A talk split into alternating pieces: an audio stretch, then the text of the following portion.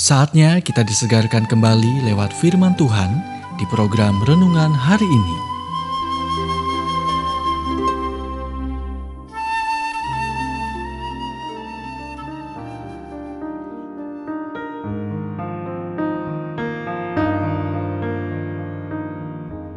Renungan hari ini berjudul Menangani Ketakutan bagian kedua. Nats firman Tuhan diambil dari kejadian 3 ayat 10. Aku menjadi takut, sebab itu aku bersembunyi.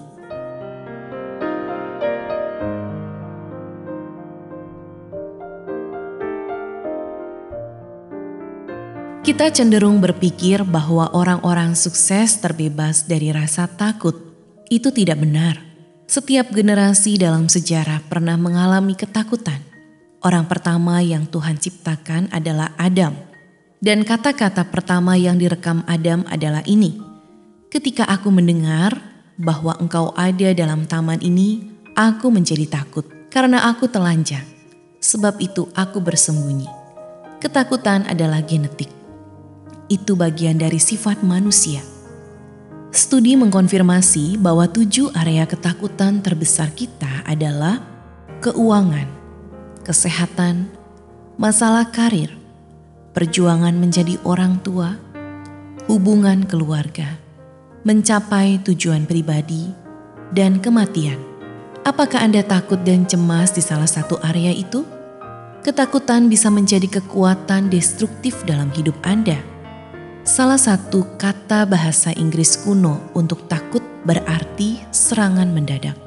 Ini seperti kata Jerman kuno untuk takut yang berarti penyergapan atau jerat. Itulah yang dilakukan rasa takut. Itu menyerang kita dan membawa kita tertawan. Jadi apa jawabannya? Kepercayaan terhadap Tuhan. Ketakutan melemahkan, tetapi iman menguatkan. Ketakutan memenjarakan, tetapi iman membebaskan. Ketakutan melumpuhkan, tetapi iman menguatkan. Ketakutan mengecewakan, tetapi iman mendorong. Ketakutan membuat sakit, tetapi iman menyembuhkan. Dikatakan bahwa kata-kata "jangan takut" dicatat dalam kitab suci 366 waktu yang berbeda.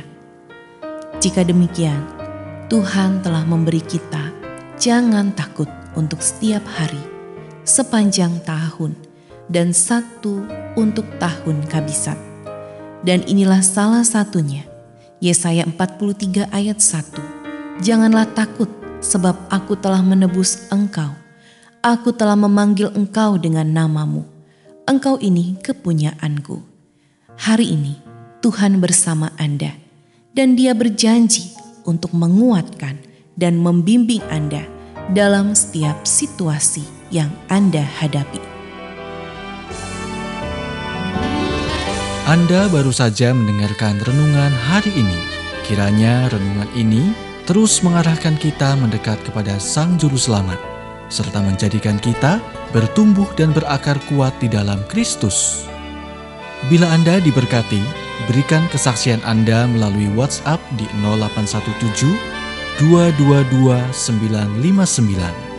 Atau jika Anda ingin memiliki buku renungan hari ini, Anda bisa dapatkan di Radio Suara Gerasi FM, Jalan Setiabudi 31 Cirebon.